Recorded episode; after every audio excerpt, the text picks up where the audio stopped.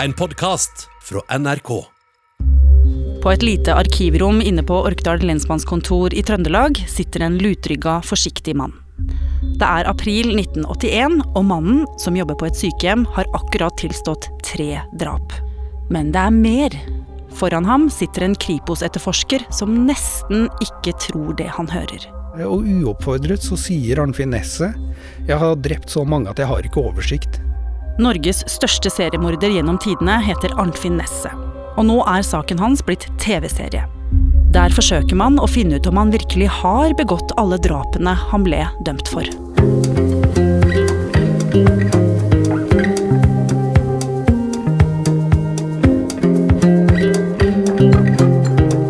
Du hører på Oppdatert. Jeg heter Ragna Nordenborg. Arnfinn Nesse var en religiøs mann. Han eh, satt i menighetsrådet i Orkdal. Han var kjent som en religiøs, from figur. Fredrik Akselsen er regissør for true crime-serien Seriemorderen i Orkdal. Den går på TV 2. Eh, det vi har hørt fra folk i bygda, var at han hadde damestemme, sa de. Så på det tidspunktet så han var på en måte en litt sånn utypisk person i Orkdal. Eh, men en veldig populær mann. Hjelpsom, vennlig, stilte alltid opp. Arnfinn Nesset var utdanna sykepleier, og i 1976 ble han ansatt som bestyrer på sykehjemmet i Orkdal, en kommune i Trøndelag. Der skulle han jobbe fram til 1981. Hvis det var noen som ble syke, så tok han gjerne vaktene deres både på dagtid og på nattestid. Eh, tok de med inn og serverte ingefærbrus og pepperkaker til de eh, ansatte. Så, så, så, han var en populær figur i Orkdal eh, mens, i sine velmaktsdager som bestyrer. Men den populære bestyreren hadde en hemmelighet. Arnfinn Nesset, eh, som bestyrer på Orkdal syke- og aldershjem, gikk morgenrunder og så til pasientene. Og kom han over noen som var i dårlig form, så vet vi ikke helt hvorfor, men da gikk han tilbake hjem på, eh, på kontoret sitt. Fylte opp en eh, sprøyte med fem milliliter kurasitt, som er brukt som bedøvelsesmiddel under eh, operasjoner, men som ikke hører hjemme på et sykehjem. Han tar med seg sprøyta, går inn på rommet deres, setter sprøyta i en blodåre. Pasienten blir straks dårligere, slutter å kunne bevege armer og bein. Mellomgulvet slutter å, å virke, så man er bevisst, men man kveles. Så i løpet av to minutter så kveles vedkommende og dør med arnfinesse stående over seg. Men var det ingen som oppdaga noe, eller var det ingen som ble mistenksomme? De første mistankene som kom mot Arnfinn Nesset var våren 1977. Da var det en, en, sykepleier som var inne og vaska en pasient på et dobbeltrom, mens Arnfinn Nesset pleia den andre pasienten som lå i senga bortenfor. Nei, jeg skjønte det måtte være noe galt, da. Dette er Bjørg Engløk, som jobba som hjelpepleier ved sykehjemmet i Orkdal sammen med Arnfinn Nesset. På 1980-tallet snakket hun med NRK om hva hun hadde opplevd. Så det, når jeg har stelt inn pasienten min, er det altså den første, det var to på samme rommet der. Da hun kom inn på rommet, beskriver hun at hun hilser på pasienten, nikker til vedkommende, som responderer. Og da skulle jeg snu meg for å vaske den andre. Og så jobber hun med den andre pasienten. Og når hun snur seg, så ligger vedkommende død, og Arnfinn Finesse trekker en sprøyte ut. Og da var han død, han. Jeg fikk ikke til å si noe mer heller, for jeg ble så sjokkert. Det er hennes beskrivelse av det første mistenkelige dødsfallet. Sa du dette til noen? Nei, jeg sa ikke til å begynne med, det før eh, en kollega da, kom på arbeid, Ja. med, som jeg stola på. da. Ja. Så sa jeg da at jeg tror det var at han har tatt et liv i dag, sa jeg, men jeg ville ikke høre noe på det, nei. Nei. For han var kristen mann, og, så jeg måtte bare ti. Det begynner å spre seg en følelse av uro på sykehjemmet. Mange pasienter dør plutselig, og flere av dem har merker etter sprøytestikk på kroppen. Flere mistenker Arnfinn Nesset for å stå bak de mistenkelige dødsfallene. På et punkt vurderer noen ansatte å gå til likkjelleren på sykehuset for å undersøke de døde kroppene nærmere, men de tør ikke, og det er heller ingen som kontakter politiet. Men en dag oppdager den erfarne sykepleieren Gunvor Skauge hva det er Arnfinn Nesset har gjort. Gunvor Skauge går i rekvisisjonsboka for å finne eh, et, et, medikament som de mangler, og lurer på om ikke de har bestilt det. Og mens hun fører eh, fingeren nedover bestillingene, så ser hun plutselig Curasitt. Det sto bestilling på Curasitt. Med Arnfinn Nessets underskrift. Og hun forstår ingenting hvorfor i alle dager er det Curasitt tatt inn på sykehjemmet. Og så kommer da tanke nummer to. Herregud, selvfølgelig. Det er kurasitt som er brukt på pasientene. Det er derfor vi har funnet disse pasientene som plutselig er døde. Det er derfor vi har disse uforklarlige sprøytestikkene. Det er det som har skjedd her. Og jeg var helt stiv. Jeg var helt, helt forkommen, altså. For jeg syns jeg så for meg de pasientene som jeg kjente godt, altså. I februar 1981 ringer fylkeslegen til politiet. Og i mars blir Arnfinn Nesset innkalt til avhør. 12. april 1981 så kommer Olaf Fjellberg opp ifra Oslo. Han er en av lederne i Kripos og skal avhøre Arnfinn Nesset for første gang. Arnfinn Nesset, som hadde vært bestyrer på Orkdal sykealdershjem, har tilstått tre drap så langt. Eh, og Fjellberg går inn på et lite arkivrom som de har på Orkdal lensmannskontor, og møter da en forsiktig, litt lutrygga eh, Man har kalt han for for en feminin mann eh, som sitter der. Eh, og uoppfordret så sier Arnfinn Nesset jeg har drept så mange at jeg har ikke oversikt. Det kan være over 100. Hva er det han sier er motivet? Han forklarer flere ting. Det første så forklarer han at eh, eh det første drapsofferet sier til han eh, 'jeg vil slippe, gi meg noe så jeg får slippe nå', og at det er en barmhjertighetshandling.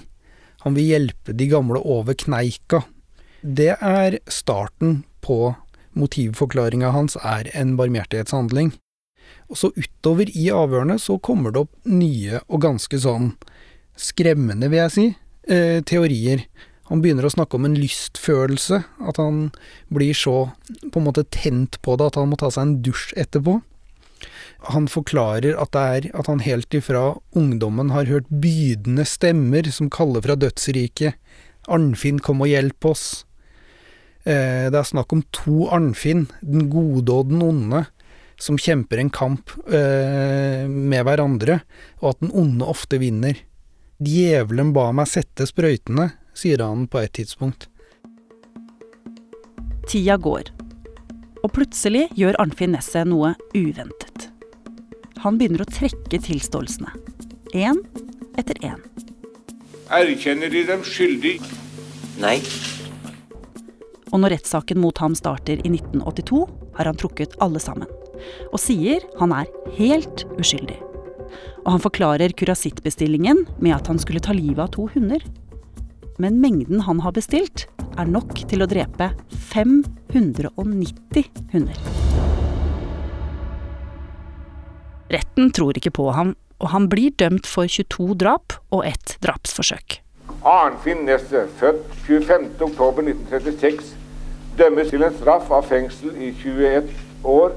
Hvordan reagerer folk i Orkdal på dommen? Nesten alle orkdøler er berørt av denne saken her. Så det har jo vært et voldsomt sinne og kok i Orkdalen. Eh, som legger seg dels ved at avisa Sør-Trøndelag setter strek over saken og sier nå er vi ferdige med å skrive om denne saken, nå skal vi legge det bak seg. Eh, men i det stille så ulmer det, eh, og, og man tenker at uh, Arnfinn han må ha drept min mor også. Han må ha drept min bestemor også. Hun døde jo egentlig litt brått. Uh, så hvor mange han har drept, det er jo noe som fortsatt lever i beste velgående i, i Orkdal, det spørsmålet. På 1980-tallet visste alle hvem Arnfinn Nesset var. Ikke bare i Norge, men også ute i verden. Et samlet norsk pressekorps ville vite hvordan noen kunne tilstå så mange drap, for så å trekke tilståelsene før rettssaken. Og det var det noen som fikk svar på. For i 1984 møtte NRK-journalist Ingebjørg Sæbu Arnfinn Nesse. Men NRK bestemte seg for å ikke sende intervjuet. De mente det ikke var etisk forsvarlig, fordi det var en mann som nylig var dømt for å ha drept 22 mennesker. I tillegg hadde advokaten hans lagt restriksjoner på hva hun fikk spørre om under intervjuet. I 36 år har intervjuet ligget i våre arkiver, og nå skal du få høre, med hans egne ord, hvorfor han trakk sine første forklaringer.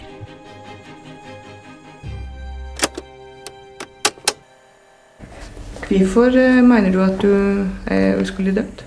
Jo, jeg eh, har ikke gjort dette. Og jeg synes det er riktig at jeg får den tatt opp igjen. I den tilstand jeg var, så må det bli feil.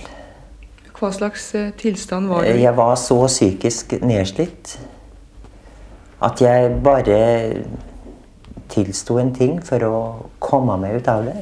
For å få fred. Eh, Følte du at du ble pressa under eh, avhøret? Ja, jeg eh, følte jeg ble det. Og det er jo akkurat dette her som er problemet i denne saken. At Arnfinn Nesset hevder at han har blitt utsatt for press av politiet. Hva er det politiet skal ha gjort galt? Nei, I dag så vet man jo mer om det man kaller falske tilståelser enn det man gjorde på den tida. Eh, det som blir problematisk er mengden avhør, 967 timer i avhør, lengden av avhørene, altså de kan vare i opptil 10-12 timer, eh, og, og hyppigheten av de, altså at han sitter dag ut og dag inn og forklarer seg, og at det skaper en fare for at han kan begynne å huske ting som ikke har skjedd, at han kan begynne å eh, innbille seg at han har gjort ting han ikke har gjort. Ja, for vi har jo flere saker i norsk rettshistorie. Vi har f.eks. Birgitte Tengs-saken, der fetteren tilsto, men trakk tilståelsen og mener at han ble presset av politiet. Og så har vi Thomas Quick i Sverige, som jo også har eh, vært involvert i, i norske forsvinningssaker. Han også sier jo at han har funnet opp ekstremt mange av de drapene. Altså, han har ikke gjort dem. Hva har vi lært siden den gang? Akkurat når det gjelder politiavhør, så har vi lært ganske mye. Det har vært noen store saker som Thomas Quick-saken som du nevnte, og, og flere andre der man har begynt å stille spørsmålstegn ved, ved avhørsteknikk. Eh, Kanskje særlig det som går på å presentere informasjon for vedkommende som sitter i avhør. Eh, Og det har vi også eksempler på i Nesset-saken. At han blir forelagt lister, at han blir forelagt bilde av avdøde, at han blir spurt det kan ikke være noen andre, da, altså at det er ledende spørsmål.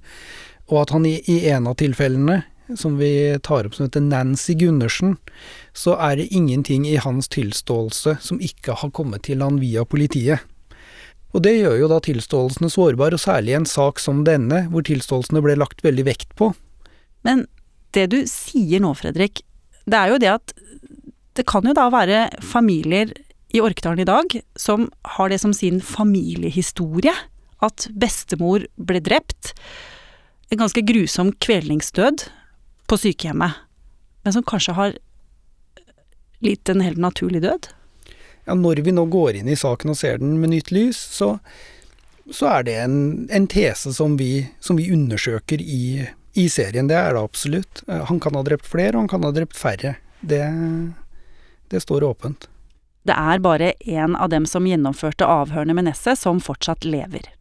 Vi i Oppdatert har forsøkt å få et intervju med ham uten å lykkes. Men i serien sier politibetjent Kjell Brevik, som jobba med saken den gangen, dette om avhørskritikken. Altså, jeg, jeg, egentlig kan ikke jeg si noe om det, men at det ble lagt noe utilbørlig press på Nesset for å få han til å tilstå sånn, det har jeg egentlig veldig vanskelig for å tro. Altså, det var ikke eh, De som avhørte Nesset, var ikke, syns ikke jeg var de typene som kunne være truende til å gjøre, til å gjøre noe sånt, for å si det sånn. Det var ærlig, hardtarbeidende politifolk og eh, Nei. Men, eh, men som sagt, jeg var ikke der. Nei. Og kan ikke si Det er bare rent, ren synsing. Du har brukt mange måneder av livet ditt på å gå gjennom denne saken og lage en true crime-serie. Hvorfor syns du det er så viktig? Nei, vi er jo de første som har fått tilgang på alt dette etterforskningsmaterialet, alle disse titalls tusen sidene som har ligget i nedstøva i alle de år, som vi nå har fått tilgang på, og hvor vi kan bruke ekspertise til å gå gjennom det og stille spørsmål og undre seg over hva som skjedde den gang da. Men også undre seg over ville det samme ha skjedd i dag, eh, med nye politimetoder. Arnfinn Nesset, han lever jo fortsatt. Han er 83 år, han har fått nytt navn og bor på hemmelig adresse. Dere har jo snakka med han. Står han fortsatt på at han er uskyldig? Ja, Arnfinn Nessa har helt fra han trakk tilståelsene tilbake i høsten 1982, stått på at han ikke har gjort det han er eh, mistenkt for. Samtidig så er det jo spennende da hvor lite han sjøl har vært aktiv i å få saken gjenopptatt. Arnfinn Nesset prøvde halvhjerta i 1984, og etter det så har det blitt helt stille. Har han innfunnet seg med dommen? Så det åpner jo også for spennende, altså et spennende spørsmål der. Hva, hvilket spørsmål da? Trakk han tilståelsene fordi det var press, eller trakk han tilståelsene fordi det kunne, ha, kunne redde han ut av eh, noe han hadde snakka seg sjøl inn i?